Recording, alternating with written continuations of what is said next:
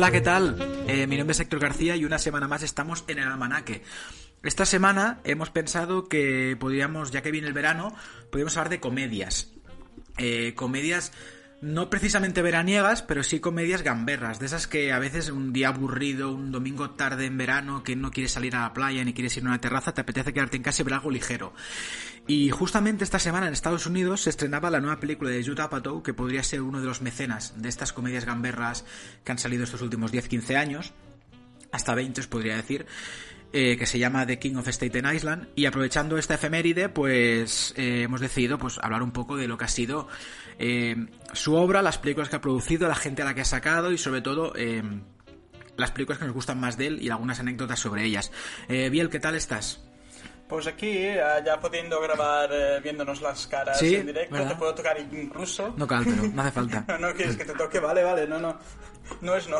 No, no es no, exacto. Ah, pero mm, bien, bastante bien. O sea, ¿Sí? Menos por los pies, sí. Bueno, bien. Todo lo demás eh, va bastante bien. Sí, pero te veo ahí uno con la venda, el otro con una especie de pata Robocop. Sí, sí, no es lo que tiene hacerse daño en un pie que te haces daño en el otro después. No, no, no. Pues nada, pues para hablar del cine, de Apatow y de estas comedias gamberras, hemos pensado en alguien que ya teníamos muchas ganas de que viniera. Él es un buen amigo, eh, le podéis leer en As, en Vanity Fair, en Libero y sobre todo le podéis escuchar en su podcast Hotel Jorge Juan, que ya va por la segunda temporada y está siendo un éxito rotundo. Javier Aznar, ¿cómo estás? ¿Cómo estáis, Héctor y Biel? Mil gracias por invitarme al almanaque. Tenía también ganas de que llegara este momento y qué mejor que hablar de alguien que, siempre hace cosas divertidas como Yuta Patou. Sí, sí. Eh, ¿Qué tal, Peta por Madrid? ¿Todo bien? Todo estupendamente dentro de, ya sabes, esta situación, pero ya vamos viendo la luz al final del túnel y hay que, hay que tirar para, para adelante. Sí, sí, ya tenemos fútbol y todo. En la semana que viene o la otra podremos ir al cine. Se estrena la nueva película de Nolan, que sé que te apasiona. o sea, ya estamos ya en plan me tildas de, hater de Nolan, pero no soy así.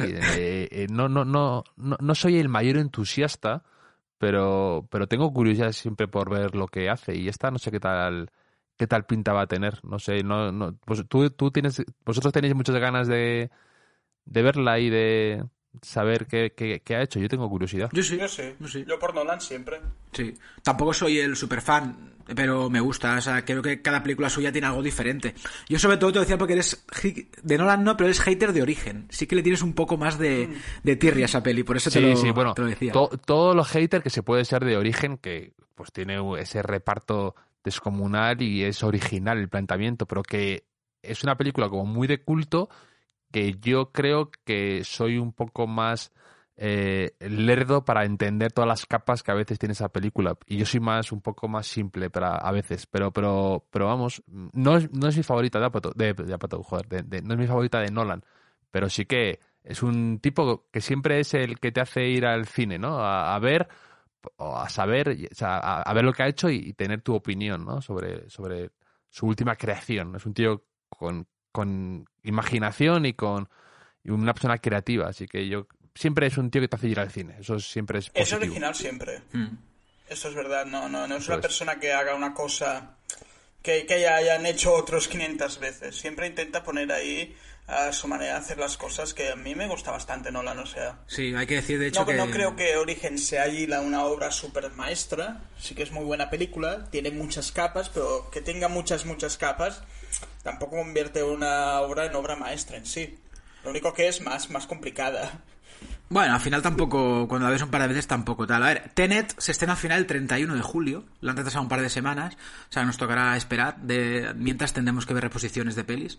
Pero bueno, yo ya te contadas para La La Land el próximo viernes, eh, será la vuelta, pues mira. Y luego tiene una cosa que para mí tiene mérito, que no es conformista con un género, o sea, no no es una persona que haga un tipo de película que le haya ido bien y ya haga como casi fotocopias o cambiando el estribillo, por así decirlo. Pues me parece valiente que haga una peli como de ciencia ficción, otra peli como Interstellar, otra peli como eh, la última que hizo, que era bélica, ¿no? Dunkerque, sí. Pues eh, Dunkerque, que me parece que, que, que, oye, pues arriesgado y, que pues prueba distintos géneros. Eso me parece valiente. Lo que pasa es que a veces para mí es como demasiado virtuoso. O sea, como que a veces es como el típico que te hace un solo de guitarra y dices, no, si suena muy, muy, muy bien y es tiene mucho mérito, pero a veces no me meto tanto a la canción. Pues me pasa a mí a veces con Nolan eso. Se gusta demasiado él mismo. Él mismo se encanta. Nolan a sí mismo se encanta y, y, se nota muchísimo. Y sus fans, hay que decir, los más fans son muy pesados también, que parece que es el gran director de la historia del cine. A ver, a mí me parece un tío súper interesante, ahora mismo de lo, de lo más de lo más de lo más de lo que hay actual, digamos, de los jóvenes, los que tienen entre 40 y 50.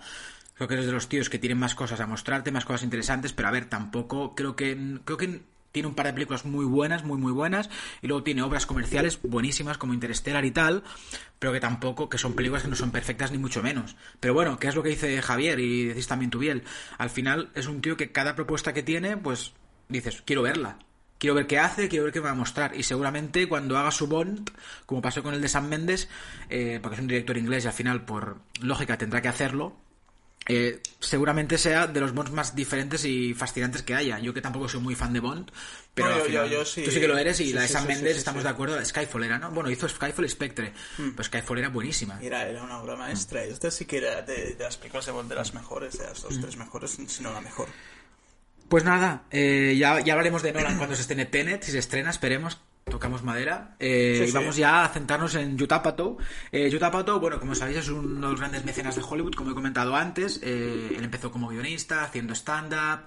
Empezó, pues, él, por ejemplo, escribió varias películas de las primeras de Adam Sandler, como por ejemplo Happy Gilmore, Un chico ideal, aquella con Drew Barrymore, porque se conocieron haciendo stand-up en el Improve, que es uno de los míticos, los míticos comedy centers de Nueva York.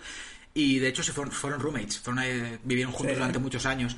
Y a partir de ahí pues, forjaron una amistad y él empezó a meterse en lo que es el mundo de Hollywood, empezando a escribir comedias. Escribió también la de Un loco domicilio, aunque no, está, aunque no esté acreditado, porque fue una reescritura de última hora.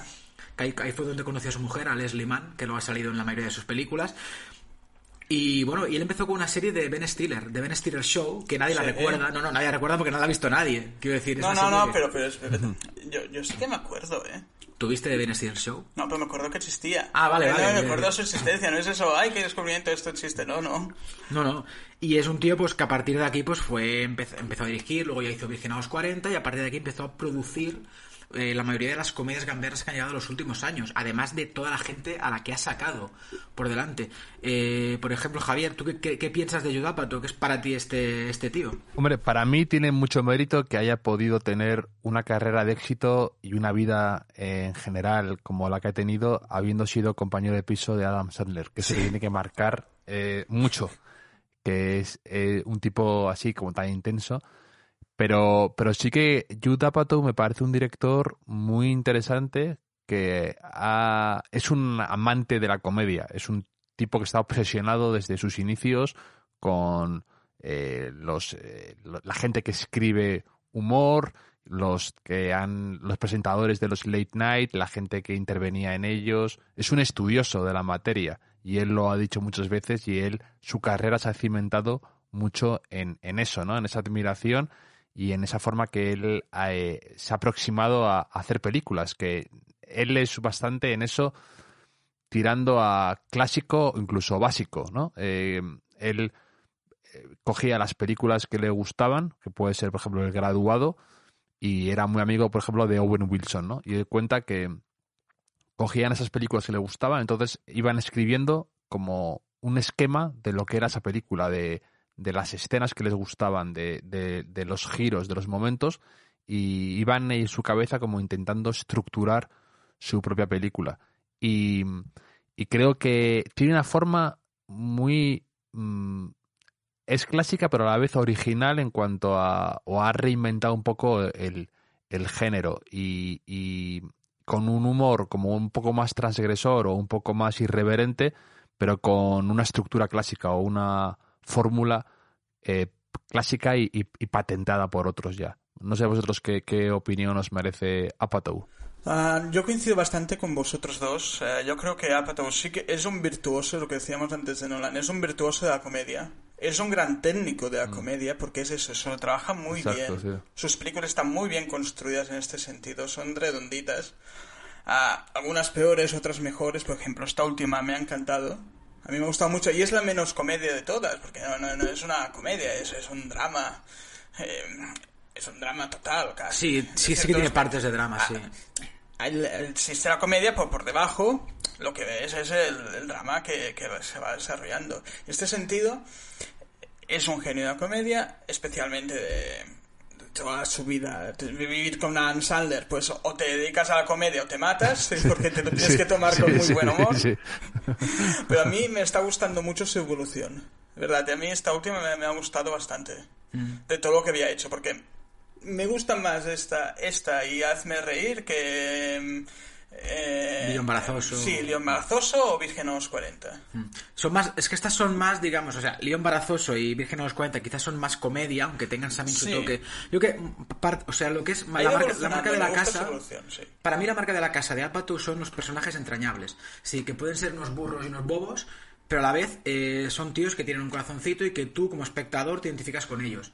Eh, bien sea por la inmadurez que tienen, eh, por lo que les cuesta conectar con otras personas, lo que les cuesta ligar con mujeres, eh, las inseguridades que te, que te muestran y creo que eso es lo que hace que el espectador pues se identifique más con ellos. Y sí que en sus películas, por ejemplo, ha sacado la de Hazme Reír, que para mí es mi favorita, aunque creo que le sobra media hora, que luego lo hablaremos, que es el gran problema de las películas de Apatow. Eh, creo que Hazme Reír la primera hora y veinte, digamos, hasta que llegan a casa de Leslie Mann, que es cuando salen ella y sus hijas y tal. Creo que es, es fabulosa. O sea, es una película que ah, te habla de un cómico eh, en la cima que de golpe le diagnostican una enfermedad, se supone que terminal. Y es como lo tiene que gestionar, eh, cómo se encuentra con viejos amigos, cómo lleva eso. Me parece fabulosa.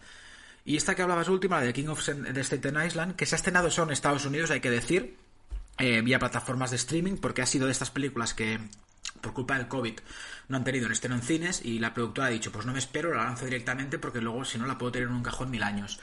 Y aprovechando que el prota Pete Davidson, que es un cómico súper famoso del, sur- Sí. del Saturday Night Live y tal, hasta en la cónica rosa por haberse intentado suicidar cuando rompió con Ariana Grande, pero sí, sí, bueno, un jaleo que hubo ahí, pero que es una película que yo cuando salió el trailer, pues que de hecho, justamente la primera noticia que tuve fue porque Javier puso el, el- link en, en Twitter. Y fue, para mí, es una película que también te muestra, porque es una historia autobiográfica prácticamente, porque su padre, el padre de Pete Davidson, murió en los atentados del 11 de septiembre, era bombero y murió allí. Y un poco te muestra lo que es, en este caso, aquí es tatuador, no tiene nada que ver, en, en la vida real es cómico, pero es la evolución que ha tenido, el salir adelante sin un padre, y, o sea, tiene los momentos tontos, porque lo tienes to- Sí, los sí, tiene sí, siempre sí. las películas de Apatow, pero además es ese tono de drama, de cómo no aceptar que su madre haga su vida, la relación con su hermana, que es más madura que él. Creo que es una película que, si bien también le sobra un poco de metraje, me parece una vuelta a la Apatow de siempre, porque a mí la anterior que hizo, Trainwreck, que aquí está de acuerdo Javier conmigo, creo, tam- no me gustó demasiado. Esta Quizá- no la vi, no la llegué a ver. es la de Amy Schumer. Quizá tampoco el guion hay está, ver, muy metido Amy Schumer. no si no te gusta y si no te gusta su humor, es complicado entrar. No sé tú qué crees, Javier. Sí, yo para empezar estoy muy de acuerdo con lo que ha comentado Biel, que la línea esta de Funny People o Hazme Reír eh, y esta última de King of Staten Island me gusta más porque lo veo más equilibrado, el, el humor y el drama o, o la parte más seria, como lo quieras llamar, me parece que eh, es más el sello único de Apatow y que se maneja muy bien ahí. Las más es que odio esta palabra, esta, esta expresión, pero más eh, gamberras, pues me, me producen más indiferencia. Estas Creo son que más realistas. Aquí se maneja, sí, y se maneja muy bien con, con este tipo de historias. Por ejemplo, la de eh, Hazme reír que comentabais, la historia esta, eh, está muy bien pensada la premisa, ¿no? De alguien que, que, que, tiene, que, que se va a morir, que entonces mm, está como, como está, y, y luego, eh, digamos que pasa, eh, logra esquivar eh, esta situación mortal y sigue teniendo los mismos problemas, las mismas ansiedades, los mismos miedos, las mismas... entonces, esa paradoja me parece muy interesante como premisa. Y aquí igual, aquí habla de otras cosas que son más elevadas, que habla del sacrificio, ¿no? Entonces aquí es como un poco más eh, elevado que una, una, una serie de gags eh, en cadena, ¿no? Entonces me parece que se mueve muy bien en esto, entre el humor y un poco, eh, no es el drama, pero algo más serio. Y me gusta cómo, cómo suelen equilibrarse estas fuerzas en él. Y esta película a mí, me- a mí me ha gustado bastante porque creo que es, está muy es muy redonda, como comentabais. Quizá, pues, lo del metraje se le, echa, se le, se le achaca mucho a Apatow. Yo ahí sí, tengo, no tengo más. No, no soy un, un, muy crítico con las películas que duran mucho, que sí, que puede sobrar algo, pero bueno, mm, creo que al final es una forma de contar historias y a veces alguien se alarga más, pero bueno, no me parece un pecado que me. que, que hay cosas peores que, que una película quizá algo larga, ¿sabes? No, no soy tan duro con, con el, el metraje excesivo. No la encuentro excesivamente larga, ¿eh? No, no, no se me hizo pesado. La, la vi ayer noche, que ya era un poco tarde, y no, no, no me iba quedando dormido, ni, na, ni nada.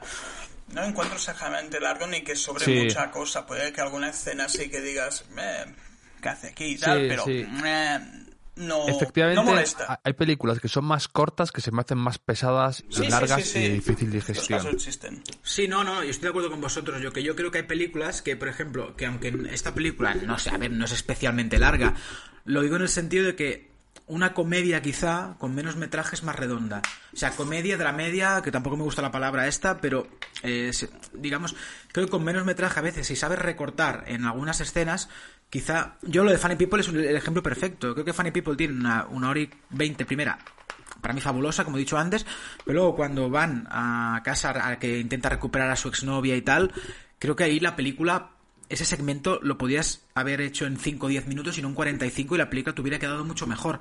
De hecho, yo siempre creo que culpa del fracaso que tuvo esta película en Estados Unidos, que es curioso porque se reunían Apatow en, junto en su, eh, justo en su apogeo y Adam Sandler, que seguramente en aquel momento aún era bueno, sigue siendo una gran estrella, aunque ahora está en Netflix haciendo productos bastante terribles. Más allá de Diamant Amcut Jens, que es brutal, que es- pero no tiene nada que ver. El tema es eh, que era parecía la reunión perfecta. O sea, el actor cómico más, más reputado en aquel momento y el productor que lo estaba petando en aquel momento, que era eh, que te estaba, estaba mostrando lo que era el nuevo modelo de comedia americana.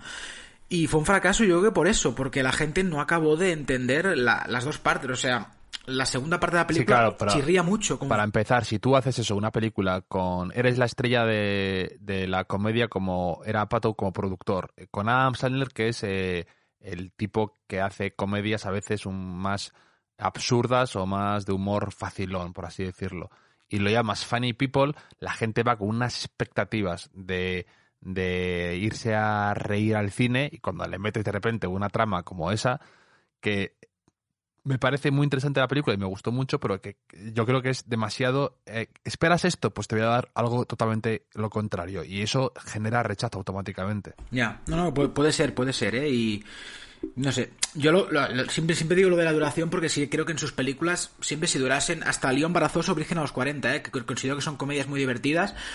Pero si le quitas a lo mejor 10-15 minutos, serían aún más redondas. Pero bueno, que eso es una opinión, bueno, la tiene mucha estoy, gente. estoy, es ya que yo estoy de acuerdo, pero también es verdad que a veces me ocurre con alguna comedia de estas parecidas que cuando es demasiado corto o demasiado lo ves dema- se me hacen las películas eh, como digamos muy de laboratorio como que noto que han hecho eh, 90 minutos medidos perfectamente para eh, tener una aparición, un secundario y ya desaparece. Y aquí, en cambio, pasas tiempo con los actores, pasas tiempo con los protagonistas, con los personajes. Incluso tiempo a veces un poco, ¿cómo decirlo?, absurdo o quizá innecesario, pero que hay que, no sé, como que te, te refuerza un poco esa, esas relaciones. Eh, Esto es cierto, eh, es este, este tiempo banal que pasas con las personas y co- co- que es donde el tiempo en que vas cogiendo cariño a las personas y a los protagonistas también. Esto es cierto, es totalmente cierto.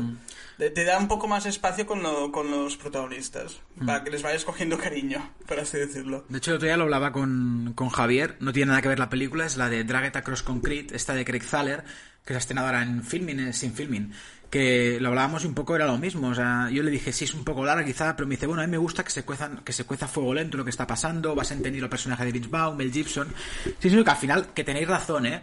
Lo que sí que a veces, que el producto el producto quizás más redondo con menos metraje, pero bueno, que son opiniones personales. Eh, yo os quería preguntar, ¿qué os ha parecido Pete Davidson en su primer papel protagonista? El- ¿Os gustaba este cómico ya de por sí? A mí he de decir que no me desagrada, pero tampoco nunca me apasionó. O sea, he visto algunos sketches suyos en Saturday Night Live, algún monólogo y tal, pero nunca fue mi, mi santo de mi devoción. Lo que aquí en la película creo que está bien, también sin más. A mí a veces me molesta un poco tanta cara demasiado tanta gañota, tanta... Pero bueno, también es... Eh, una cara tan plástica. Sí, una cara muy plástica. Me, echa un poco que sea a mí, yo no lo había visto mucho, no lo tenía muy visto. A mí me ha gustado, no, no me ha apasionado, no, no me he tirado por el suelo llorando la emoción al verlo mm. actuar, pero lo hace bastante bien para ser su primera vez. Sí, es autobiográfica también. Sí, sí, también. Por eso, para, ser la primera vez, ser una cosa que le afecta en parte, mm. yo creo que lo ha hecho bastante bien. Mm. No, no. Y no lo había visto, ¿eh? No lo había visto y iba con un poco de, de pensar, ah, a ver cómo va a ser esto, porque estos cómicos metidos actores a veces sale un mm. poco regular y tal. Pero, no, no, yo, yo le daría un 6, 7 perfectamente. Mm. No un 9, un 10, pero... ¿Tú qué crees, Javier?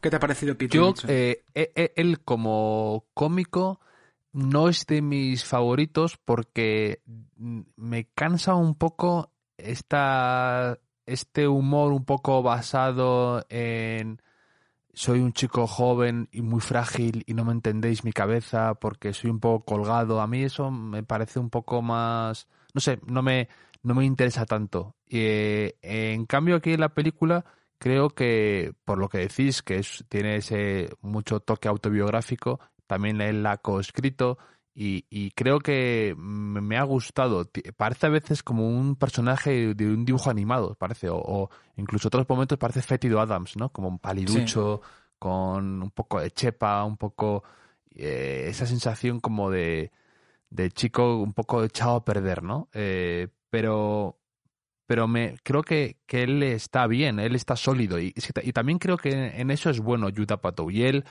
lo lleva con o sea, él lo lleva con orgullo, que él, él tiene como buen ojo, digamos, para ver quién puede eh, tener éxito con alguna con, algún papel y como que trata de adaptar la película a ellos, ¿no? Y, tiene mucho, él usa mucho de lo, de, lo real. Eh, por ejemplo, Bill Burr, el, otro cómico, que ese sí que me hace mucha gracia, que se hace como de padrastro, por así decirlo, de Pete Davidson, de Pete Davidson, pues este, eh, este tiene problemas de ira, entonces lo usan en la película. Eh, em, también sale en la película eh, Steve Buscemi, que fue bombero cuatro años antes de ser actor. Pues también lo meten en la película. Sí, sí, sí, grandísimo siempre con él. Amy Schumer, que también era un poco desastre, una vida sentimental, un poco caótica, con sus problemas, también lo usaba en, sus, la usa en las películas. Y todo eso creo que Yutapato tiene muy, buen ojo para encontrar material y aplicarlo luego en, las, en sus películas. Y les da como autenticidad. Si Pete Davidson hace otro papel muy complicado o más ambicioso, quizá no sería tan no estaría tan bien, pero aquí sí que le dio solvente y sólido. Mira, justo que lo que comentabas ahora de que tiene el talento para adaptar material a según qué cómico, hay que hablar de la gente a la que ha descubierto Yutapato. Eh, porque a él le debemos, eh, por ejemplo, eh, por decir algo, a Steve Carell. Steve Carell, en el momento, bueno, él produjo sus primeras películas. Steve Carell, le recuerdo en, en, Anchorman, la película está del reportero con Will Ferrell, que tiene tres escenas haciendo el payaso, básicamente. Y luego el año siguiente es el protagonista de Virgen a los 40 y justo en Palma ese año que estaban de Office ya, que empieza de Office, que fue en 2005. Grandísimo papel. Claro, Michael Scott. Y ahora, por ejemplo, y ahora es uno de los mejores actores de la actualidad. Luego ha sacado en sus series, por ejemplo, que luego hablaremos de ellas, Freaks and Geeks and Declared. Mm. Eso fue una cantera. Eh, James Franco, Seth Rogen, Jason Segel, eh, Busy Phillips, hasta esta, la de, la de Dead to Me, ¿cómo se llama? Eh, bueno, la, la de Dead to Me, que no recuerdo el nombre, pero... Christina Applegate. Lena Dunham es él quien la lleva al estrellato. Él la vio en la película este Tiny Furniture y a partir de ahí, eh, pues habló con ella, le presentó el proyecto de Girls, lo, lo, vendieron a HBO, gracias a él, a su nombre, apostó por ella y bueno, mirad lo que salió después. O sea que al final es un tío que ha apostado por gente y que generalmente le ha salido bien. Y lo que decía también antes Javier, eh, no siempre ha sido todo la comedia gamberra, chorra, lo que quieras, como quieras llamarla. O sea, Gels era otra cosa. O sea, que es un tipo que ha sabido diversificarse y crear una especie de riqueza en lo que es el mundo de la de actoral, o por lo menos de... sí, sí, sí. Además, eso que lo dices tú, es un ha dado como eh, eh, espaldarazos a muchas carreras que a lo mejor iban un poco a la deriva o que no habían sido descubiertos y por eso digamos que tiene él como su propio adjetivo, ¿no? Eh, se usa mucho a Patobian como esa especie de sello de autenticidad y de marchamo de calidad que le das a la carrera de alguien porque eh, haya fijado en ti. Y por eso prueba de ello es que ha salido alguna película y, él bromea con eso, como que la gente está obsesionada con llegar a él, con darle... Eh, con darle borradores de guion, con hacerle, hacer audiciones con él, porque saben que es uno de esos pocos directores que, que ya tiene esa identidad marcada que de repente trabajar con él cambia el rumbo de tu carrera. Y eso se puede decir de pocos, de pocos directores. Mm. El momento en The Disaster Artist, que seguramente lo sacas por eso, en el que el personaje de, de este Tommy Wiseau aparece en un restaurante con un guion y le da la brasa allí para que, hasta tiene, tiene que llamar a seguridad, Utah Patou, en aquel momento. Es un poco... Ahí, se, ahí ya se ríe de lo, de lo que es su figura, como comentabas tú, sí. No, y, no, y, y, aparte, el eh, Patou, además, eh, yo creo que lo que hace muy bien, además, es que se sabe adaptar a distintos... dentro de la comedia, pero que sabe muy bien cómo eh, parecer, digamos, cool o, por así decirlo, parece que es un tío ya mayor, ¿eh? Y siempre está como observando quién es el último humorista, usando bromas muy, muy del momento, muy referenciales, muy de la cultura pop de esa situación, de este momento. E, en eso es muy avispado porque hace siempre como guiños a la, a la gente, digamos, de que, que, va al cine en ese momento, ¿no? Sí, sí, a cada generación le da lo que quiere. Eh, exacto, es, esa es la palabra, que a, cada generación le da lo que quiere y, y efectivamente eh, tiene muchos estratos de, de, alcance, pero él sabe eh, exactamente cómo funciona el humor en el momento. No, no se queda anticuado con facilidad ni nada de eso. Además, tiene una cosa muy buena que es eh, lo que hemos visto también en esta última película, que es retratar muy bien cierta, ciertos sentimientos.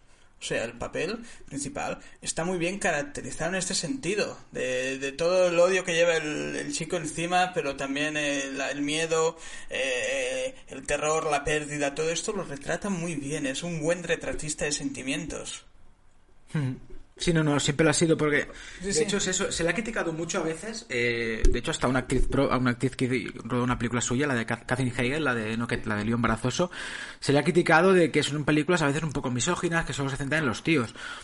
A ver, al final él escribe de lo que sabe, quiero decir, de, hmm. de la inmadurez de los tíos, porque él seguramente habrá sido así, de la fraternidad entre nosotros en este caso, pero y se le ha criticado a veces por eso, misoginia, porque no ha escrito, que sí que es verdad, ¿eh? que no ha tenido personajes femeninos tampoco superpotentes más allá del de Trainbreak, o sus protagonistas siempre han sido tíos, pero bueno, no pasa nada, quiero decir, tienes, al final habrá que haber, tendrá que haber de todo, ¿sabes? Y se le ha criticado por eso, pero yo creo que sus personajes se caracterizan por eso, por los sentimientos, porque son entrañables, te puedes identificar por cualquiera, aunque sea un cretino.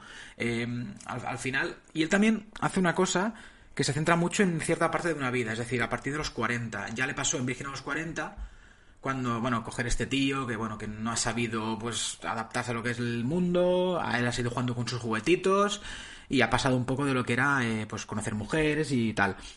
Luego, por ejemplo, en This is 40, que las dos se llaman, tienen el 40 en el título, pero en, este caso es por eso.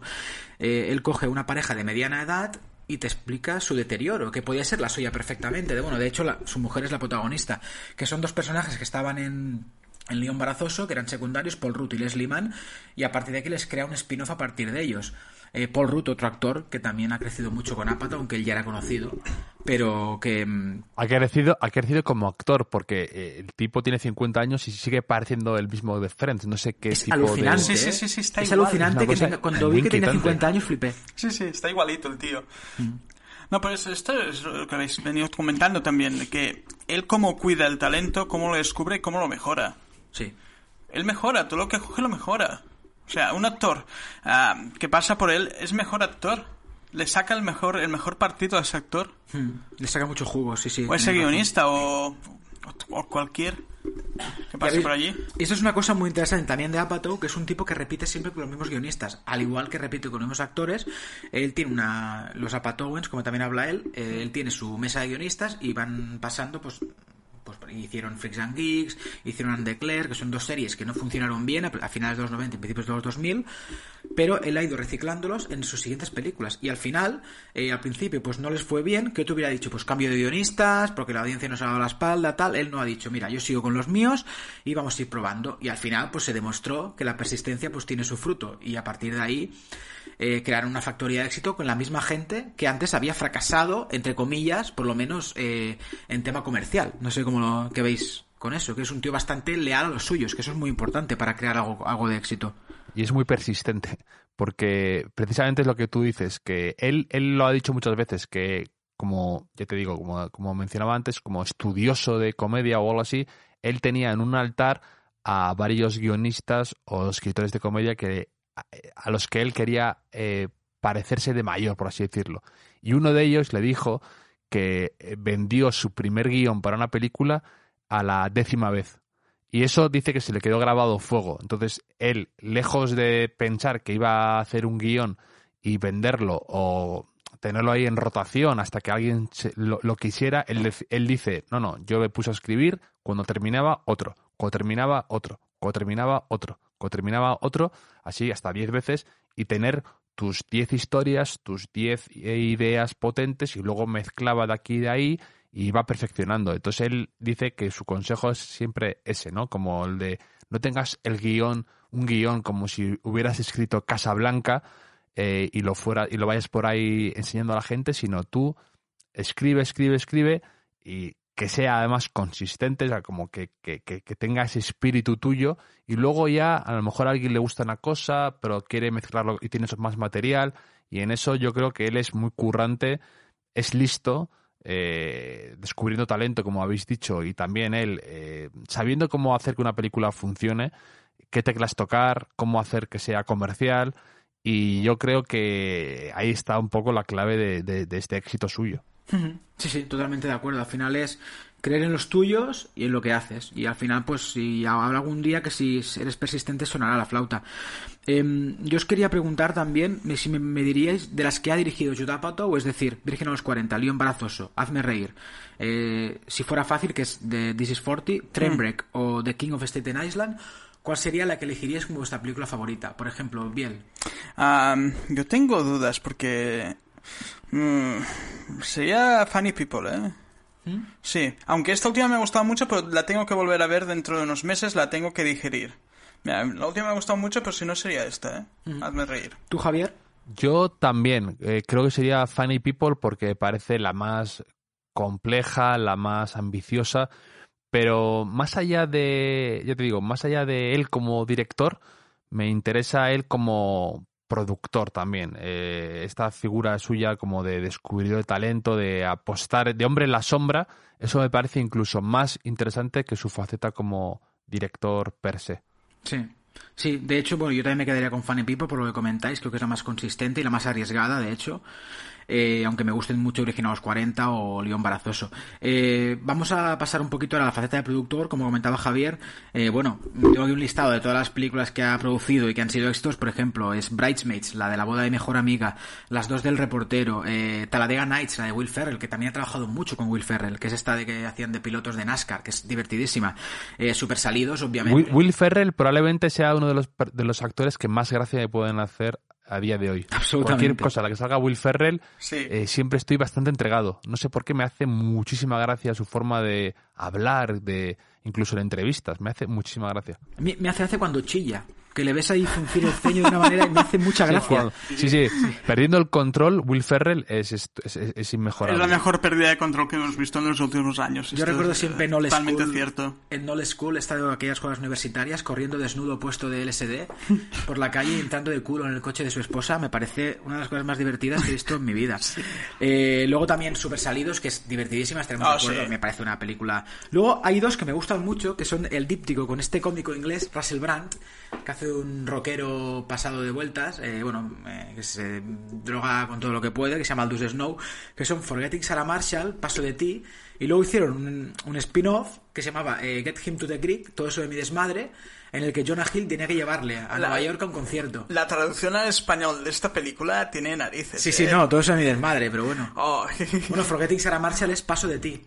Sí, sí. A ver, que tampoco... Sí, sí, sí. ¿Por, qué, por qué aquí en España eh, hacemos estas cosas con las traducciones de las películas, especialmente si son comedias? Eh, Esto es terrorismo. Bueno, Step Brothers, que es otra con Will Ferrell, que seguramente nos encanta a todos, y con John C. Reilly, otro grande, hermanos por pelotas. En vez de hermanastros, hermanos por pelotas. El tema de pelotas en las comedias es como que se siempre Sí, sí, lo meten sí, mucho. sí, sí, sí. De hecho, por ejemplo, Old, Old- Old School, que la acabas de mencionar tú, Sí. Jackson, eh, en español es aquellas juergas universitarias, ¿no? Sí. También, que es como una cosa mm, que, digo, Old School es eh, pues, lo vieja escuela, ¿no? Como ser de vieja escuela, que, que en español se podría haber traducido así, o de alguna manera. No sé, pero que es que, mm, que a veces es complicado, ¿eh?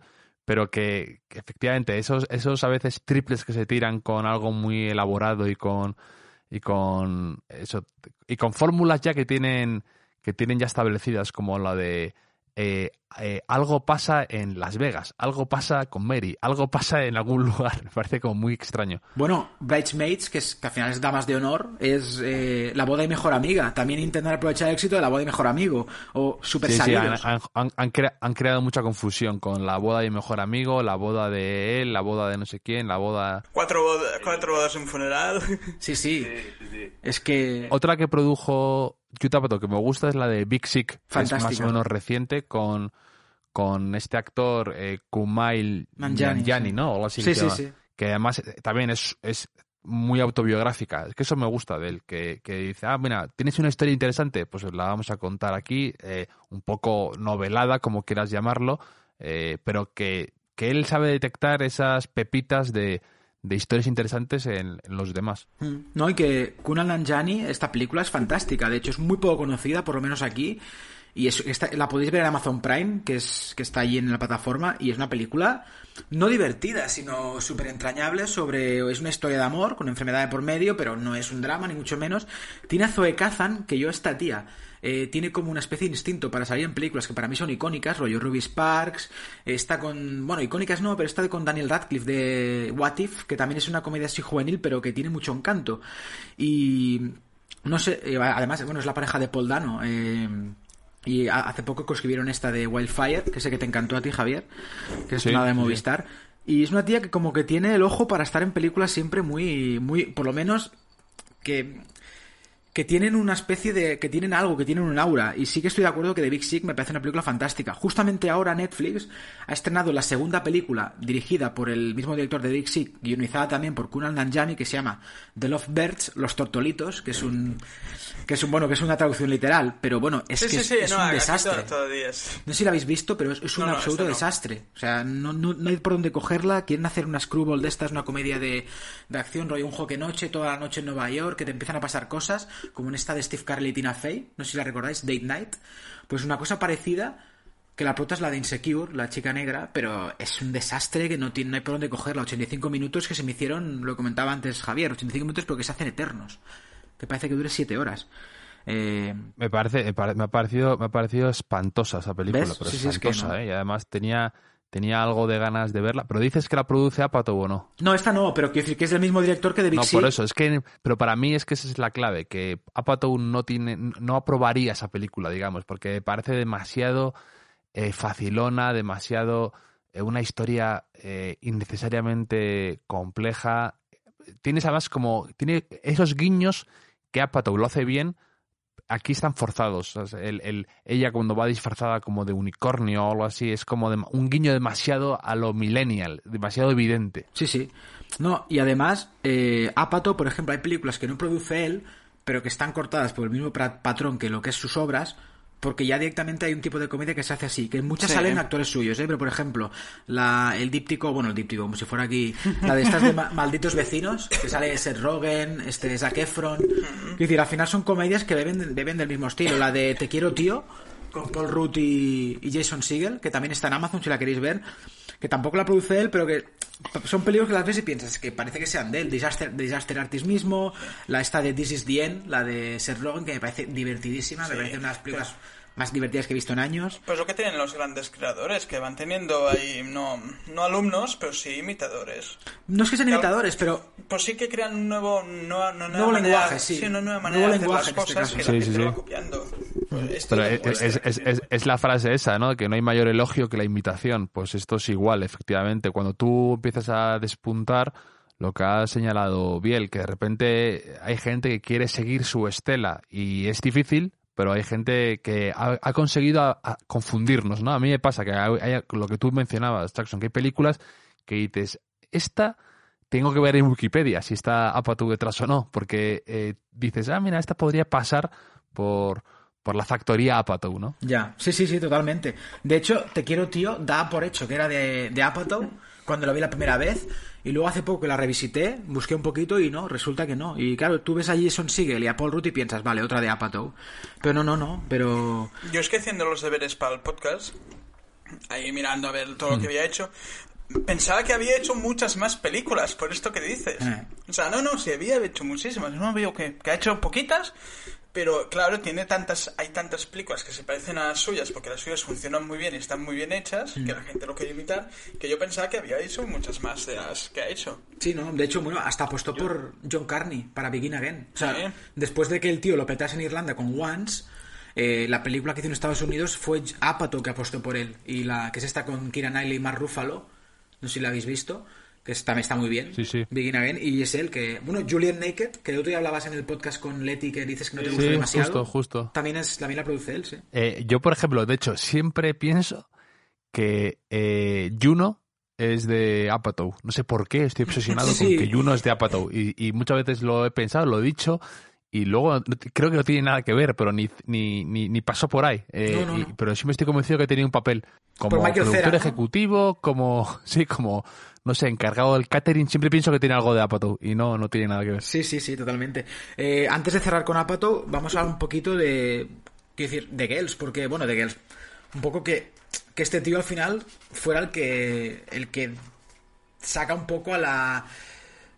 Consigue que haga que Elena Dunham sea ahora mismo una estrella multireconocida en todos sitios. Quiero decir, eh, que es muy arriesgado apostar por una serie como Girls, que al final son de cuatro chicas en Brooklyn, no es Sexo en Nueva York, no es Valeria, si me apuras, esta que ha salido ahora, que es una serie mucho más arriesgada, que salió muy bien y que era muy complicado que pudiera salir adelante quizás seguramente sin un mecenas como Apatow detrás, ¿no? Tú que eres súper fan de Girls, Javier, ¿qué te parece eh, que haya descubierto a Lena Adam? Que bueno, tendremos nuestras O sea, te puede gustar más o menos, pero no discutirás el talento que tiene, por lo menos a la hora de escribir. No es exactamente esto que estábamos comentando, que eh, ese olfato que tiene Yuta Apatow para agarrar a una persona, a un cómico o a alguien que, al que ha visto algo de chispa y decirle, quiero que hagas algo, pero además quiero que sea muy autobiográfico. No quiero que te lleve, que te, que te, digamos, que te enredes y que cuentes una historia muy distinta a la tuya. La tuya es suficientemente interesante y eso lo ha hecho con Pete Davidson,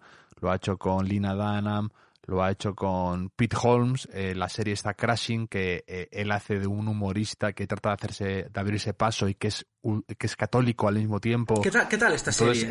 ¿La, ves? Eh, he visto la primera temporada o la segunda. Es a mí me parece demasiado de del mundo interno de la stand-up comedy, que creo que ha habido un boom últimamente y que a veces es excesivo. O sea, que no es un mundo tan apasionante el cómo se abre un, paso un cómico que a mí me interesa y me gusta, pero que entiendo que haya gente que le parezca menos apasionante, pero que es eso, lo que decía antes, la vida de estas personas. Eh, y, con mayor o menor éxito algunas series, pero la apuesta que hace por estas personas es eh, total. Y Girls eh, gustará más, gustará menos, gustará, te parecerá Lina Dana más irregular o más regular o más talentosa, pero que Yuta Patou tiene esa capacidad, es un poco el rey Midas de la comedia, ¿no? Como dice un poco el cliché, pero es un poco eso. Sí, sí, totalmente. Pues vamos a hacer a ti algo que decir más de Apatow, Bill. No, no, creo que ya, lo, hemos tratado todo. Mm. Eh, bueno, vamos a hacer, antes de, bueno, luego queremos comentar un par de cosas también que hablamos con Javier, pero eh, de las películas que ha producido Apatow y quizás son más desconocidas, ¿recomendaríais alguna en particular? Que dije, esta no es tan conocida y creo que tenéis que verla. Por ejemplo, yo me decantaría por el díptico que he comentado antes, el de Paso de ti y todo eso de mi desmadre. Digo los títulos españoles para que la gente. Sí, sí, sí, para que los encuentren fácilmente. Eh, que son los de Aldous Snow. Creo que son de las dos con las que me he reído más. Además, eh, son perfectas para el verano porque la primera justo es en Hawái. Y es divertidísima y tiene momentos hilarantes y a mí me, me encantan Yo- las dos. Yo es que iba a decir las mismas, me las has robado. Voy a decir las mismas que son divertidísimas. es que para pasar una tarde de domingo ahí A tontísima, ti te pegaba super fumados, Pineapple Express. pues no, no, la verdad es que no. ¿eh? Ni autobiográfico ni nada. No, no, no. ¿Y tú, Javier, alguna que digas? Yo, más que película, recomendaría eh, la serie Love en Netflix, Ah, que me parece muy, eh, muy de Yuta Pato, con sus eh, virtudes y sus defectos. Creo que es muy representativa. Y esta serie, que es un poco que narra esta historia entre dos personas, entre un chico y una chica, eh, con sus eh, obsesiones, con sus miedos, con sus inseguridades y una relación compleja, creo que es muy, muy de Yuta Pato, para, para lo bueno y para lo malo. Y creo que es, para mí, una buena eh, inmersión en este universo suyo. Sí, a mí yo ten- tengo mis reparos con esta serie porque me ponía muy nervioso el protagonista, pero tenía cosas interesantes, sí, por supuesto. Aparte eran capitulillos de media hora, eran tres temporadas, ¿no? Si no recuerdo mal. Y... Sí, eso es. Tres temporadas y, y creo que es, eh, pues eso, a veces, a veces irregular, a veces brillante, a veces absurda, y pero que es muy de, muy, muy de Yuta Pato. Sí, sí, totalmente. Vale, antes eh, lo hablamos también eh, a raíz del estreno este de, de King of Staten Island, que en España aún no tiene fecha. Según leí el otro día, el 31 de julio en cines, pero veremos, porque no, no, no he visto que distribuye. La llevaba Universal, pero en el calendario que me pasó Universal a mí no, no salía. Pero bueno, eh, veremos. Joder, te pasa, el, eh, te pasa el calendario Universal para que le des la aprobación, ¿no? No, no, no, a ver, no, joder, no, a ver, a ver. El- pero el borrador le me llegan, las me llegan las convocatorias para. manda el borrador. No, no, pero hombre, pero a ver, como Él estoy, no pasa limpio. como estoy, estoy asociado, como por el podcast estoy asociado para que me lleguen las convocatorias de prensa, te pasan los te pasan los, eh, los calendarios de estreno que tienen, las convocatorias y todo. Y otro día justamente lo pasaron. Simplemente. Y no estaba esta, por eso. Simplemente es eso, sin más, ¿eh? Eh, no es que me pase a mí Bien, la señora bien, bien. Universal. Oye, mira, tienes que mirarme. ¿Te va bien que se estrena aquí el 31 de julio? La señora Paquita Universal, sí. Exacto, la Paquita Salas Universal. Eh, antes lo, hablé con Javier, que, estaría en comentarlo. Ahora en Estados Unidos, y justo a raíz del estreno de, King of Staten Island, eh, muchos estrenos están saliendo directamente en Video On Demand al precio de 19,95 euros, bueno, dólares en este caso, que me parece una locura. Eh, no sé si lo veis vosotros, tú Javier, por ejemplo, que fuiste el que tuvo la idea, eh, ¿lo ves rentable esto? Yo lo creo, yo creo que es yo no lo veo viable. Eh, lo o sea, yo veo viable el video on demand que conviva, obviamente, con el con el estreno en cine. Creo que es el futuro, el, presente vaya el futuro. Pero creo que es un precio abusivo por una película que si vas al cine y la ves como... A mí, por ejemplo, que me gusta ver cualquier cosa en el cine, no solo películas de estas que tienes que ver en el cine por lo que sea. No, no, me gusta ver cualquier cosa en el cine. Un drama de Ken Loach o una comedia romántica o lo que fuera pero creo que es no sé si es viable no sé cómo lo ves tú esto, estos precios por una película para verla en casa. No sé cómo qué opinión tienes. Me, me- me parece un modelo de negocio interesante y quería un poco ver cómo va a evolucionar porque eh, con el tema de los cines se estaba hablando mucho de esto, de que a lo mejor era una buena oportunidad para dar salida a esas películas y también incluso pues eso eh, eh, un poco respaldar el trabajo de esta gente, de directores, de actores y que a lo mejor hay gente que dice que oye pues yo eh, pagar 20 euros eh, por ver esta película nueva en casa me parece cómodo y me ahorro eh, ir hasta el centro comercial, eh, me ahorro encargarme de la niñera para que se ocupe de mis hijos, me encar o me ahorro el comprar palomitas, Coca-Cola y me sale rentable si la veo entre cuatro personas o en familia o algo así. Y eso, pues bueno,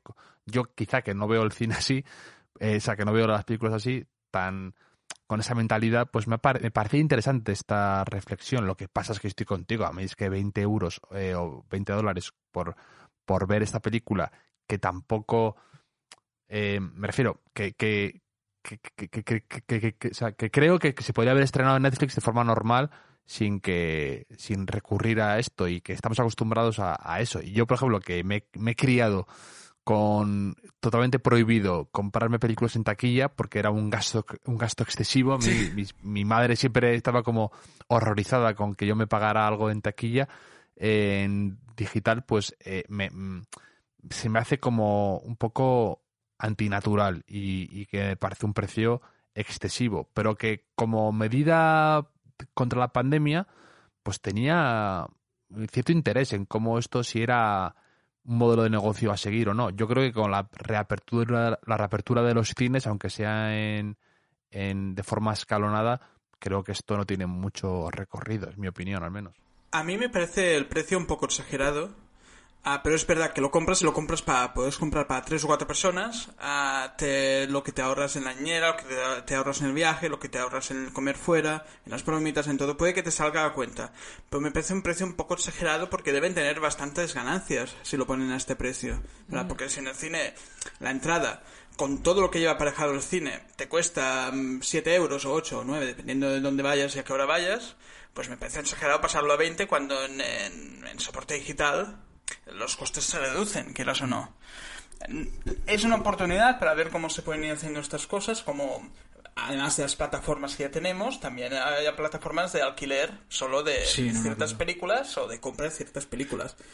Es una manera de verlo, pero claro, te ahorras bastante, pero me parece el precio, el precio exagerado por todo lo que te ahorras también. Y también hay que ver que mm, también es depende del tipo de película, es decir, no es lo mismo, eh, en el tema ese familiar comentaba Javier, cuatro personas, no es lo mismo esta que ha estado Disney Plus, de Artemis Fowl, que esta seguramente sí encajaría más con un modelo así, eh, la familia que se ahorra el dinero de ir al cine la puede alquilar para verla en casa, pero The King of Staten Island quizá no es el perfil de película que va a ver la familia junta, por decir algo, y quizá hubiera sido mejor, eh, como ha pasado con los tortolitos, ¿eh? si me apuras, no tiene nada que ver, pero que la que venderse a Netflix o tal, creo que una película sin Netflix hubiera tenido mucho más boca oreja, y es como que creo que esta película, sin paso por el cine, va a quedar muy olvidada. Por mucho que Pete Davidson sea una gran... En Estados Unidos sea una superestrella. Aquí no, aquí no lo es tanto en Europa.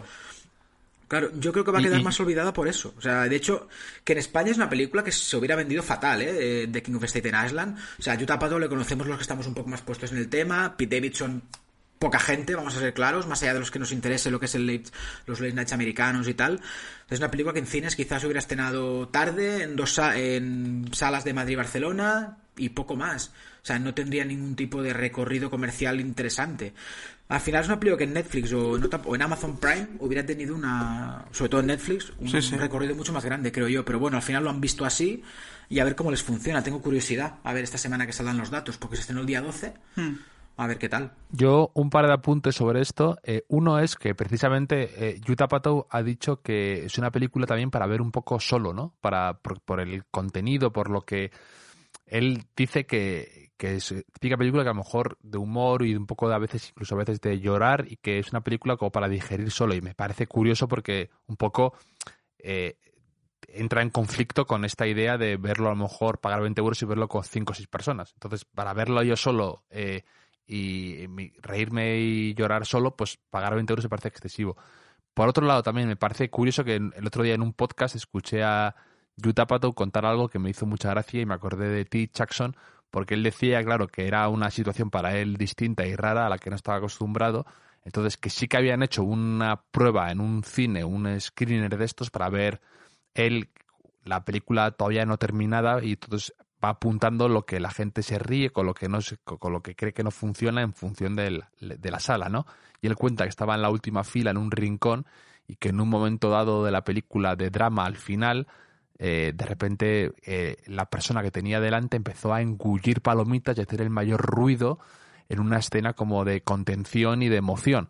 Entonces él decía... La ansiedad que le producía la escena. Claro, decía, me cogí tal enfado y salí tan quemado con que alguien no respetara la solemnidad de ese momento en el cine, que estuviera engullendo palomitas como un cerdo, que dice, salí de ahí como convencido de que eh, verla en Netflix, o sea, verla así en, digamos, en casa, en streaming, que tiene que ser también el nuevo futuro. Y ahí entra otra cosa que yo quería preguntaros también, que, que, que es, mi sensación es que las películas en streaming eh, son entre comillas, peores. O sea, para mí, eh, eh, eh, el cine tiene todavía esa especie de halo que le da más calidad o más autenticidad y que todavía las películas que han salido en Netflix, casi todas, salvo excepciones contadas como Uncut Gems que tú comentabas antes, alguna de de, mm, de, historia de un matrimonio, ¿cómo se llama el actor? Este, Adam Driver. Ah, no, no, no a el director. Y alguna excepción así que han hecho cosas interesantes para streaming, o Cuarón con, eh, con Roma, pero salvo excepciones contadas, son muchas veces películas fallidas porque no encuentran el tono adecuado, el, la duración, lo que sea, le quita todavía un poco de magia. Es como si fuera un... no sé cómo decirte, es una carnicería en la que entras y puedes coger el tipo de carne que quieras, les da igual, no miran... Es como una tienda de golosinas, venga, ¿qué cojo? Ahora esto, ahora los tortolitos, ahora eh, Triple Frontera con Ben Affleck, ahora una comedia de estas de este Noah Centineo, el de los todos los chicos los que me enamoré o cosas de estas.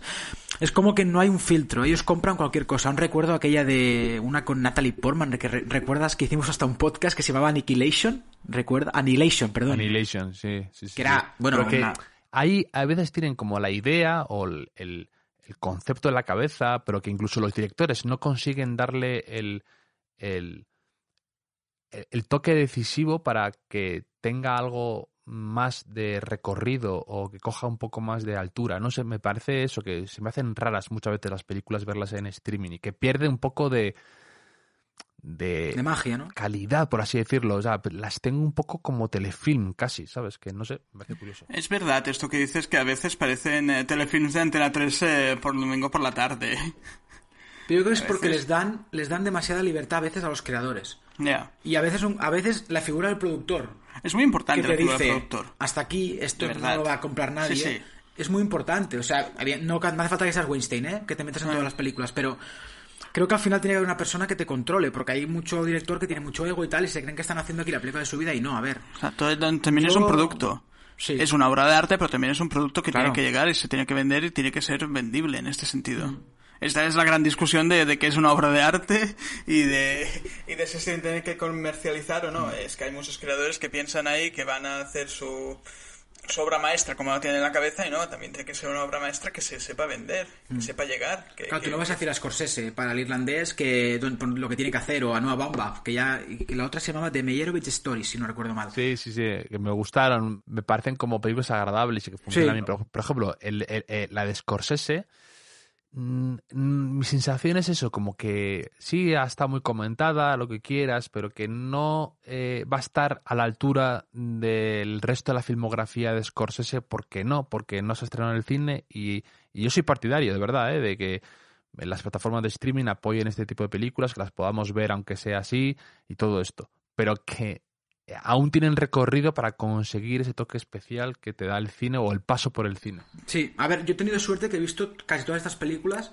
en el cine. Eh, Irlandés fui a ver al cine, Historia de Matrimonio también, Diamantes en Bruto también, porque pude ir al pase, porque luego no se estrenó esta, pero pude ir al pase y la vi en cine, que ya es... Al final mis recuerdos de haberla visto en el cine y de película grande, ¿sabes? Eh, como en irlandés, pero sí que es verdad que cuando una película se estrena directamente en Video on Demand, esta semana ha pasado con esta Spike Lee, The Five Blood, que aún no he podido verla, pero ya es, no es como cuando estrenó la del Ku Klan, es como, vale, un estreno de Spike Lee en Netflix, seguramente la vea y me olvide, ¿sabes? No, no es esa magia de decir, ostras, una película que estrenado en cine, es como que inconscientemente la ves como que no es una película tan importante, ¿sabes? Totalmente, totalmente, totalmente. Creo que es el, creo que es el problema. Pero bueno, eh, yo ya os digo, yo para mí, ojalá convivan los dos modelos y que imagino que poco a poco irán saliendo mejores historias también. O sea, al final creo que hemos estado en una época en la que se ha Netflix ha pagado por todo lo que las comedias de Adam Sandler, por ejemplo, que ha estrenado en Netflix. Dudo mucho de que en cine se hubieran podido estrenar, porque ha estrenado cosas malas en cine Adam Sandler. Pero es que las de Netflix son terroríficas. Ya son un nivel de decir, y yo soy muy Adam Sandler, ¿eh? que no estoy criticándole aquí. Pero las de Netflix son terroríficas. Claro, yo creo que esas en cine no hubieran pasado el filtro. Habiendo visto muchas cosas chungas en cine, ¿eh? No sé, pero bueno. Sí, sí. Veremos a ver con el tiempo. Eh, pues nada, eh, larga vida a lo que es el cine de Apatow, eh, esta comedia americana y estaremos pendientes de las próximas que se estrenen. Vamos a ir a las recomendaciones ya. Eh, tú, Javier, ¿qué has visto, comido, leído, visi- bueno, visitado poco estos días que te haya gustado? Yo quería aprovechar para precisamente también, como cosa que me ha hecho feliz, digamos, eh, reivindicar un poco que esta semana justo va a volver a abrir precisamente el cine eh, Renoir Retiro, que está, que es al que voy yo, y que me parece, digamos, de algún modo eh, emocionante el volver a, a mi cine y, reivindicar un poco eh, esos lugares como, como lugar de, paso, ¿no? Eh, que, lo bonito que es ir a ver, a, ir a ver una película y, salir de ahí, pensar y luego cenar algo o tomarte una copa y, y hablar de la película que acabas de ver. Y tengo muchísimas ganas de recuperar eso, que esta situación eh, lo, había dejado en stand-by, ¿no? Entonces, eh, estoy también como muy inquieto por ver cómo remontan esta situación los, los cines. Entonces, siempre siento que cualquier apoyo es pequeño para poder proteger estos cines que son a lo mejor más pequeños, más, eh, pues eso, con películas en versión original y todo esto. Mm. entonces, me hace como muy feliz este reencuentro de esta semana, del viernes, que iré y que a ver si entre que va a estar al 30% y todo esto, pues a ver si pueden sobrevivir. Y mi recomendación esta semana, pues precisamente sea eso, de apoya a tu cine cercano y a ver si recuperamos un poco eh, el paso y, pueden sobrevivir. Muy de acuerdo. De hecho, yo también el viernes ya tengo entradas para ver a La Land en Fenómena que reabren. Los Florida Blanca, los Renoir de aquí también abren el viernes los Verdi el 26, o sea, poco a poco parece que van abriendo. Creo que no sé si con un 30 o con un 50, no recuerdo. Pero a ver, a ver cómo va. Aparte, estoy muy de acuerdo porque el, cine Renoir de Madrid es muy, es muy bonito. Está en una especie de rambla que al, lado están los. Una calle peatonal, al lado están los Golem y enfrente está la librería 8 y medio. Quiero decir, es, es como una calle preciosa para yo conozco esa, zona, también es muy bonito. Y tienes allí para... Y luego tienes cerca eh, multitud de restaurantes. Es una zona de ocio fantástica. Está muy bien. Ahí en, Madrid ahí están estos, que son... Esa zona de ahí me gusta mucho, con esa librería que comentas y, y la, el ambiente me gusta más... Pues eso, me trae buenos recuerdos. Y luego también está el que voy yo, que está pegado al retiro. Entonces son los dos como muy agradables para poder ir. Y luego te, un cine un cine a un 50% a un 30%, a ti en el fondo Jackson te, da alegría, ¿no? Sí, sí, absolutamente. por mí ojalá siempre así. Porque tampoco con los misántropo que Realmente. Hay muchas películas, eh, depende de qué pase, que tampoco está al 50% la sala. Pues, creo, yo creo que podremos ir al cine menos si es un gran estreno con toda la normalidad del mundo. A los que vamos nosotros, que por ejemplo tú Javier igual, que también tú eres de sesiones, no eres de, no, eres de irte un domingo a las 8 de la tarde generalmente. O sea, a lo mejor vas más de tarde a las 4, un día a las 10, entre semana. No hay tanto, o sea, no hay tanta afluencia de público cuando voy yo. O sea, yo quizá tampoco no, trae tanto. No va a ser raro y además a mí eh, una sala también de cine medio vacía no, no es como un estadio de fútbol vacío, que a mí no, me produce tanta tristeza, no me gusta y, creo que además eh, estamos un poco más acostumbrados a eso, sí. Sí, sí. Porque tampoco ves al resto de gente, ni hay que crear ambiente, ni nada, no, no es un estadio de fútbol. Y lo importante, habrá mucha menos gente que coma, que es lo más importante. Exacto, y, a más, y a más distancia de ti. Sí. Porque es del 30% al 50%, pero con las, eh, los, con las butacas distanciadas. Yo tengo mucha curiosidad por ver qué pasará cuando, cuando alguien tosa. Yo quiero ver el fenómeno. ¿Cómo hacen esto en el fenómeno? Las colas, las colas, cómo tenías que correr para coger sitio, qué sitios conservan. Es que tengo curiosidad porque el viernes voy, eh, como te cuento, a ver a la LAN y no sé si, no, me he fijado si la entrada es numerada o no, porque nunca ha sido numerada en Fenómena. Pero montarte una cola allí en una calle, en una calle peatonal estrecha, no sé cómo lo van a hacer. Eh, un día que vengas a Barcelona, Javier te llevaré a Fenómena que te va a gustar. Sí, sí, es, es un cine bastante... Sí, sí, tiene, he oído cosas muy buenas e interesantes en general. Te gustará, te gustará. Vale, pues ¿y alguna cosa que no te haya convencido, que hayas visto y que nada? Eh, pues alguna cosa he visto últimamente que, a ver, esto me ha pillado un poco más en fuera. Yo tengo una que compartiremos seguramente, así que... A ver, di, di, di. Mira, pues te la digo ya, Space Force. La serie de Steve Carell ah, no, bueno. Greg Daniels. Ah, bueno, bueno, bueno, bueno. Un propósito absoluto. Absolutamente, ¿eh? ¿Seguiste? ¿La acabaste o yo la dejé a los No, no, no, no. Me, me, bajé de ese tren que iba al barranco enseguida. Además, incluso con un poco de, de, de, Uno, me lo esperaba. Y dos, un poco de. Me da rabia ver tanto talento desperdiciado ahí, digamos. Eh, talento detrás, eh, la gente de The Office, eh, los actores, todo ese talento que han desaprovechado. No sé, me. Sí, sí. me, me me da, me da un poco de, rabia estos productos que, tienen los mimbres para hacer cosas interesantes, pero quizá eso, un es que a veces hasta un exceso de presupuesto mm, es, es, perjudicial para algunas series. Digo, mantente más terrenal y haz algo con lo que la gente se sienta más cercano. No quieras hacer tanto show off, por así decirlo, ¿no? Como alarde de presupuesto, de recursos, de, que al final eh, el humor o la la humanidad queda en segundo plano. Y yo, pues, no sé, el The Office era tan brillante porque estaba hecho con cuatro duros, con un poco de... Eh, en, un, en, un, escenario que todo el mundo conoce sin pretensiones y, y, en cambio tenía momentazos sin parar de humor y de y de de humanidad, por así decirlo, pero estas series que son como hechas en un laboratorio, como con un presupuesto eh, monstruoso, eh, que no tienen en cambio corazón, no son series sin alma, pues... No, no están elaboradas, en verdad. En verdad están hechas como si hicieras un coche, están hechas en un...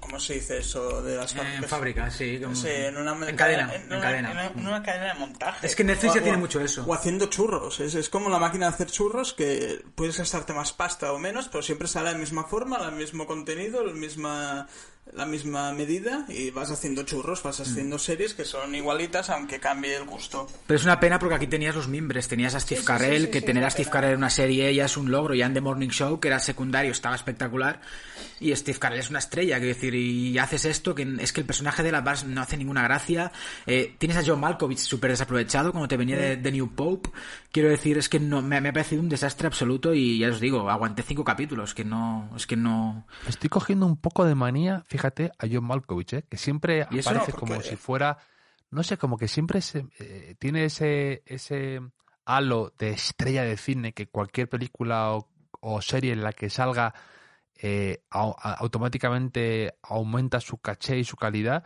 Y creo que, por un lado, a veces me parece demasiado histriónico, demasiado excesivo.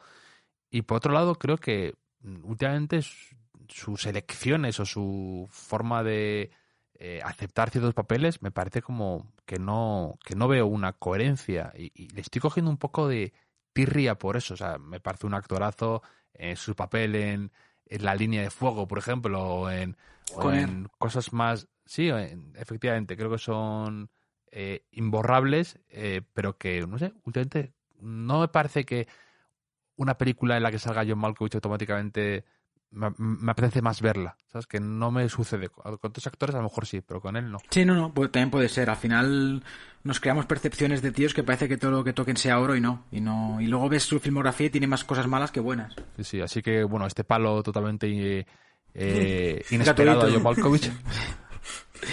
Esta semana no hemos dado ningún palo de Office, ¿eh? Ah, de Newsroom, de Newsroom. Ay, eso, eso, hostia, hostia, hostia, que, porque ¿qué tenía este lapsus? Sí, es verdad que cada semana damos un palito de Newsroom gratuito. Ya, cuando en algún momento saldrá por aquí. yo sé que a Javier le gusta. Podríamos decir eh, el semanal también a John Malkovich. A Javier le gusta The Newsroom. ¿Sí? ¿Por no, a mí The Newsroom, pero, pero The Newsroom me parece como típica, típico producto menor de alguien que me gusta mucho como Aaron Sorkin, que me parece también a veces insoportablemente eh, snob y pretencioso, pero me, me, gusta su forma de escribir. Y, y The Newsroom me parece una obra suya menor, pero no por ella eh, me, parece que no me gusta, la odie, no, no, no la odio, me, me, gustó. El otro día, de hecho, me mandaron, me mandaron un estudio de una estudiante de periodismo para rellenar sobre de Newsroom. Es que, es que todos los estudiantes de periodismo quieren ser como de, Newsroom. Sí, y, yo, y, yo, creo que de hecho que yo justo lo decía en el estudio, que había una, una casilla que decía, eh, ¿qué crees que es eh, la importancia del periodismo en esta serie o algo así? Y había una al final que decía, no tiene nada que ver con el periodismo, porque yo creo que salvo salvo cuatro pinceladas, es una serie que de hecho por eso es bueno Aaron Sorkin, no por eso me interesa, que realmente sus películas no van ni de béisbol o sus series ni de política per se ni de no, si son relaciones humanas y, la interacción entre ellos, ¿no? Y lo otro es la excusa. Entonces yo a mí tener The Newsroom como eh, el paradigma de lo que es el periodismo, pues no me lo parece, evidentemente. Pero, pero es una serie entretenida, o sea, con humor, algo de tal, un poco de romance, bueno, más facilona que otras suyas, pero bueno. Eh, aquí yo defiendo más a, a, Dennis Room que vosotros. A John Malkovich y los tres eh, veo que estamos de acuerdo más o menos, y si no, da igual. Sí, sí. su carrera a, un poco, a mí Malkovich me gusta eh, bastante, pero no creo que él que esté en una película aumente el valor de esa, de esa serie o de esa película. Me gusta, me gusta, pero tiene papeles mejores y peores. A mí de, de, New Pop me encantó, Bien, bueno, otros papeles no, no me gusta tanto. Ahí sí estuvo muy bien. Pero no creo que la serie por sí suba por su presencia. No, no, está claro. Hay dos tres personajes que me gustan mucho más. ¿Qué, qué, qué recomiendas tú? Vale, yo más que recomendar cosas, voy a hacer una recomendación, pero también quería comentar a lo que estáis hablando, que es los que podáis consumir, consumid. Consumid productos culturales, id a vuestros restaurantes favoritos, salid. Porque se va a acabar algún día, ¿no? No, no, no, no porque se va a Drogas. acabar, sino porque si no lo gastamos, si no si no volvemos a hacer vida normal, se va a acabar de verdad porque van a cerrar todos. O sea, con los que podáis consumir cosas sí. culturales porque tenéis eh, dinero todavía, pues hacedlo. Que podáis ir de restaurantes, id a vuestro restaurante favorito que habéis ido toda la vida. Cuidad a, a- a los comercios, porque esto está fatal. Al El camello otro- local. Sí, exacto. Economía de kilómetro cero. Sí, el camello de kilómetro cero también. Pero en este sentido, porque el otro día fui a pasear por el gótico, aquí en el centro de Barcelona, barrio gótico, y era una cosa vacía, totalmente vacía. No, no por la falta de turistas que también, sino los comercios cerrados. Porque han tenido que cerrar la mayoría. Pues es un desastre. Y los pocos que han abiertos, como no hay turismo y tampoco hay vecinos, pues se estaban comiendo nada, la de la mierda.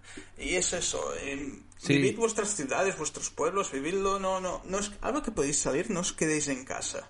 Id a consumir Efectivamente. toda la vida. Además, yo creo que es el momento clave este, porque hay negocios que van a poder sobrevivir si ahora es cuando Exacto, hay porque una ahora es el momento. inyección y, y logran.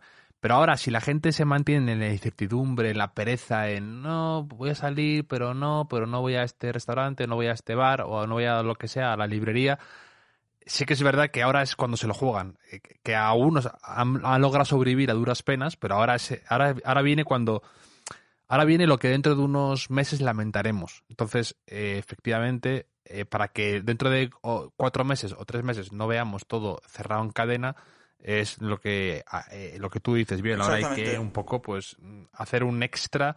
Un, un- no te digo que salgamos ahí tirando el dinero a la gente No, no, no, los establecimientos, pero sí que sí que hacer esas, esa, esa especie de mm, ser un poco más proactivos. ¿sí? Exacto. Y también de crítica, hay este, también una pequeña crítica que es que los eh, comercios estos no nos pongan el mismo nivel que nos ponían a los turistas de gasto. Porque el otro día fuimos ahí a una terracita en el Hotel Vela y nos pegaron para cada cerveza 7 euros. 7 euros para una estrella Damm. ¿Eso dónde? En No, el Hotel eso, Vela, eso, en eso, la- eso- en, eh, no en el hotel en sí, sino en el chiringuito que hay delante, que hay ahí en la Barceloneta. 7 euros por cerveza, que era... A ver, No, no, ya, ya. nosotros te queremos ayudar, pero ayúdanos tú también. Entonces no robes, ¿no? Exacto, aquí ayudémonos todos, por favor. Esta era una de las cuestiones. La otra, quería recomendar unos libritos que he estado leyendo estos días, porque tampoco he tenido mucho tiempo para ver cosas, tampoco hay muchas novedades, ahora empiezan a haber novedades. Me- A mí me ha encantado también la película que hemos hablado hoy, porque es una novedad. Sí. Es una cosa nueva, después de tres meses. Efectivamente, Y- totalmente, Y está muy totalmente bien de en acuerdo. este sentido. Pero eh, sobre todo he leído y he empezado a leer unos libritos que edita la editorial Fragmenta, que ha hecho una serie de siete libros dedicados cada libro a un pecado capital. Unos pequeños ensayos bueno. sobre la ira, la soberbia, la gula, la lujuria, de siete autores buenos, buenos, sobre todo aquí en Cataluña, bastante conocidos algunos, eh, tipo Graupera, Punsoda, Garrisait, Marina Porras. de- están en catalán y castellano, o sea, están las dos versiones bilingües, podéis encontrar más fácilmente, la editorial Fragmenta, y son unos pequeños ensayos ahí de 60 páginas que te los puedes leer en una tarde cada uno sobre cada pecado capital. Cada, cada autor con su tara, por así decirlo. Porque además ya han cogido autores que ellos mismos ya lo dicen, son muy proclives a este pecado del cual tratan. Y son unos pequeños ensayos filosóficos buenísimos, que recomiendo muchísimo. ¿Vuestros pecados eh, capitales cuáles serían? ¿Vosotros creéis cuál, cuál es el vuestro que tienes por exceso, digamos? Sea, ¿Cuál es el que, el que más pecáis precisamente? Mm. Yo, sería difícil ahora pensar, ¿eh? Yo creo que un poco de todos. Yo tengo, sí, es eso. Yo tengo alguno que no tengo mucho, no tengo nada de avaricia, ni nada de envidia. Los otros los voy teniendo ahí más o Yo menos. soberbia no, pero lo demás creo que todo. Soberbia, peco un poco. Gula no, porque lo con la bondad que hago estos tres meses, Gula he visto que no. Puede que mm, la, la pereza, la pereza me, me gana bastante, ¿eh? Yo la ira, quizá. Soy como el Billy Burr. La, la ira Sí, pues también yo- un yo- poquito, ¿eh? Yo estaría Yo estoy entre ahí, yo estoy... Pereza, soberbia sí, y ira. yo también estoy entre esos dos, entre pereza, que a veces no soy todo lo activo, por así decirlo, todo, toda la iniciativa que debería tener, a veces me, me puede un poco... Eh, no soy esa persona impulsiva o eh, que, que, que, toma siempre decisiones y, venga, vamos para adelante. No, a veces me cuesta y en eso es eh, bastante pereza. Y luego también un poco de ira también. La ira a veces en pequeños momentos puntuales soy muy, soy muy tranquilo y muy... Eh, tengo bastante paciencia, pero en momentos puntuales que me enfado mucho, la ira ahí me, a veces me, me asusto a mí mismo. Pero wow, no, no, creo que, no creo que deberíamos hablar de cuál tenemos más, sino cuál nos afecta más, cuál nos produce más daño. Porque a mí es la pereza. Pues era este, pues sí, pues es la pereza. Pues. Porque los otros los controlo bastante bien, aunque tenga mucho o poco. Pero el pereza sí que me da, es el que me da más, más, más, más, problemas en la vida, eso es verdad. Sí, el que más raya te da tener, ¿no? El que más, sí, sí, el que más te afecta, sí, estoy de acuerdo. Uh -huh. Vale, eh, ¿cómo has dicho que se llaman? Ah, los siete pecados capitales y cada uno se llama pues con el nombre de su pecado, la ira, la soberbia, la gula, tal, en la editorial Fragmenta y Fragmenta. se encuentra fácilmente en su web o en bastantes librerías, aquí en Cataluña en todas. Vale. Pues ahí es que en catalán y castellano se lo puede comprar quien quiera. ¿Algo que mal?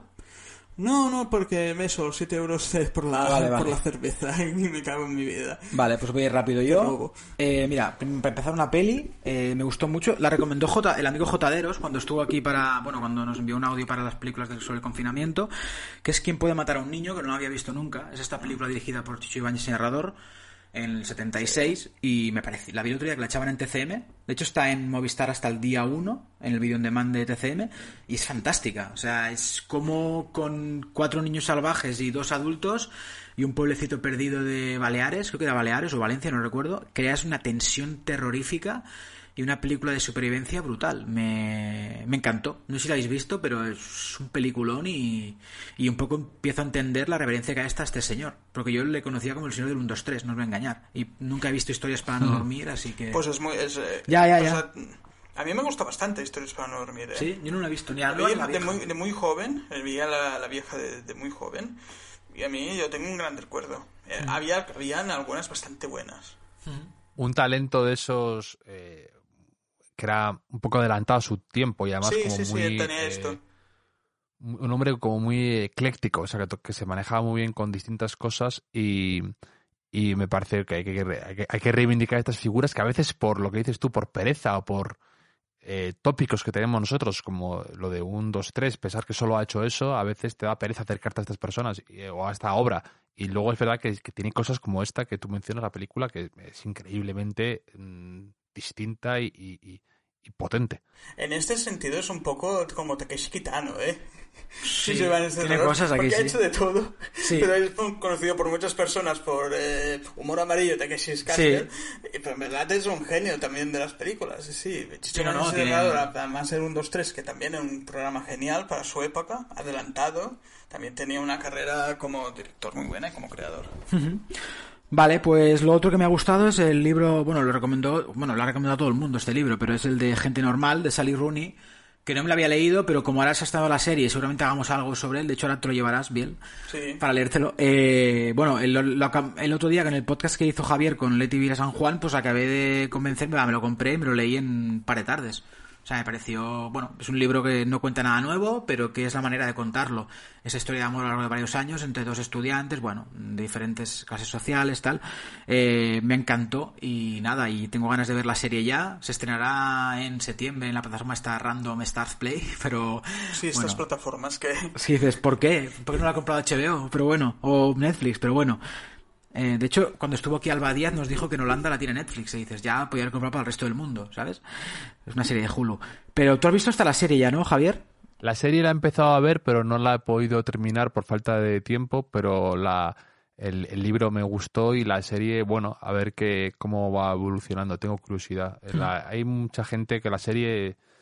Eh, hay mucho amor y odio y tengo curiosidad por ver cómo, cuál es mi sensación con ella. Sí, yo empezaré esta semana también. Y nada, ya para terminar, una cosa que no me ha gustado, que quería comentarla también, porque es esta obsesión por hacer cosas, eh, por enseñarnos qué, pasa, qué pasó durante el confinamiento.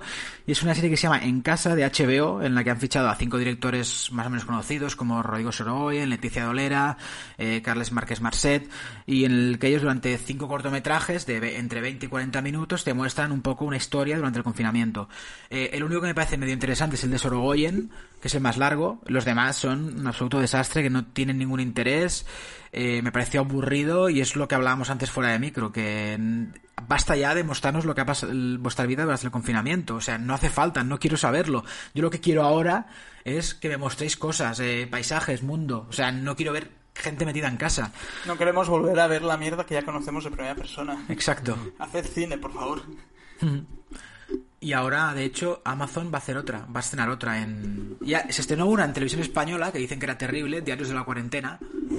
Y con el nombre ya... Sí, con Bardem, con Bardem, el hermano Carlos, no recuerdo, este Gorka Ochoa, no recuerdo quién salía más. Y ahora en Amazon hacen otra en julio. Y nada, ¿tú has visto algo de en casa, Javier? No, no, no he visto nada porque lo que decís, me, justo lo que ha dicho antes bien muy bien, que, que, que quiero novedades, quiero historias dif diferentes, quiero un poco de de la sensación de estreno, en la medida de lo posible, mm, echo de menos eso. Y, lo que estoy saturado es de gente contándome su cuarentena, su confinamiento, eh, su visión de la pandemia. Y lo que menos me apetece del mundo es ver cómo otros han estado encerrados. Es la cosa que menos me, puede divertir y apetecer ver. Entonces, mm, ningún afán. Vale, pues nada, pues lo dejamos aquí ya. Eh, Javier, eh, espero que hayas estado a gusto, un placer haberte tenido, que nos hayas dedicado un ratito a hacer el podcast. Y nada, sabes que cuando quieras estás invitado. Espero que el tu podcast siga teniendo la buena recepción que ha tenido.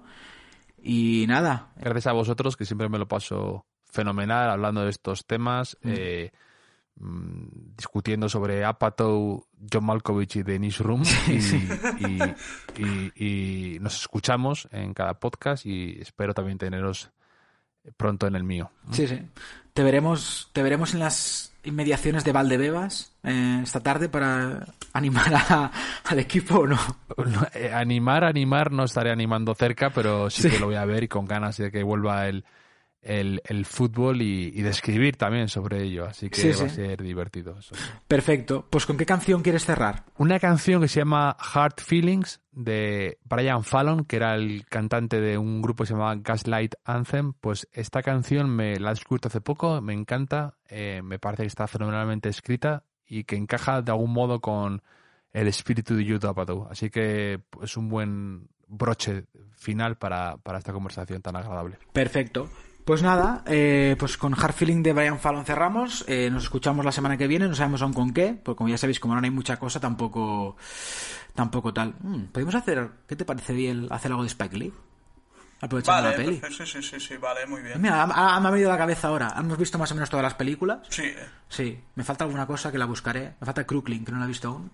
Vale. Eh, pues sí, sí, podemos hacer. ¿Te parece sí o qué? Sí, sí, sí, sí. No pega mucho para el verano, pero bueno. Bueno. Mm. Sí, es igual, total. ¿Cómo que no pega con el verano Spike Lee? no, bueno, sé. Eh, bueno, es igual, pues a lo mejor es muy Spike Lee. Pues nada, nos escuchamos la semana que viene. Un abrazo a todos. Venga, adiós. Abrazos. I don't remember too much about the evil things we done. I can only tell you what I saw. There was rain and soot. There were lovers and blood. And we learned how to feel in the cold. We never talked too much, but she held me in the dark. And the time used to stop in her hands. I could feel her go hesitant when it rained in Manhattan. We took shelter in a spare room at the Grand. And she calls me baby like an old romantic. But it's hard when you hurt to let somebody in again. And there's a slow song playing from a baby blue Mercedes, singing when I get to heaven. there will be no more fears.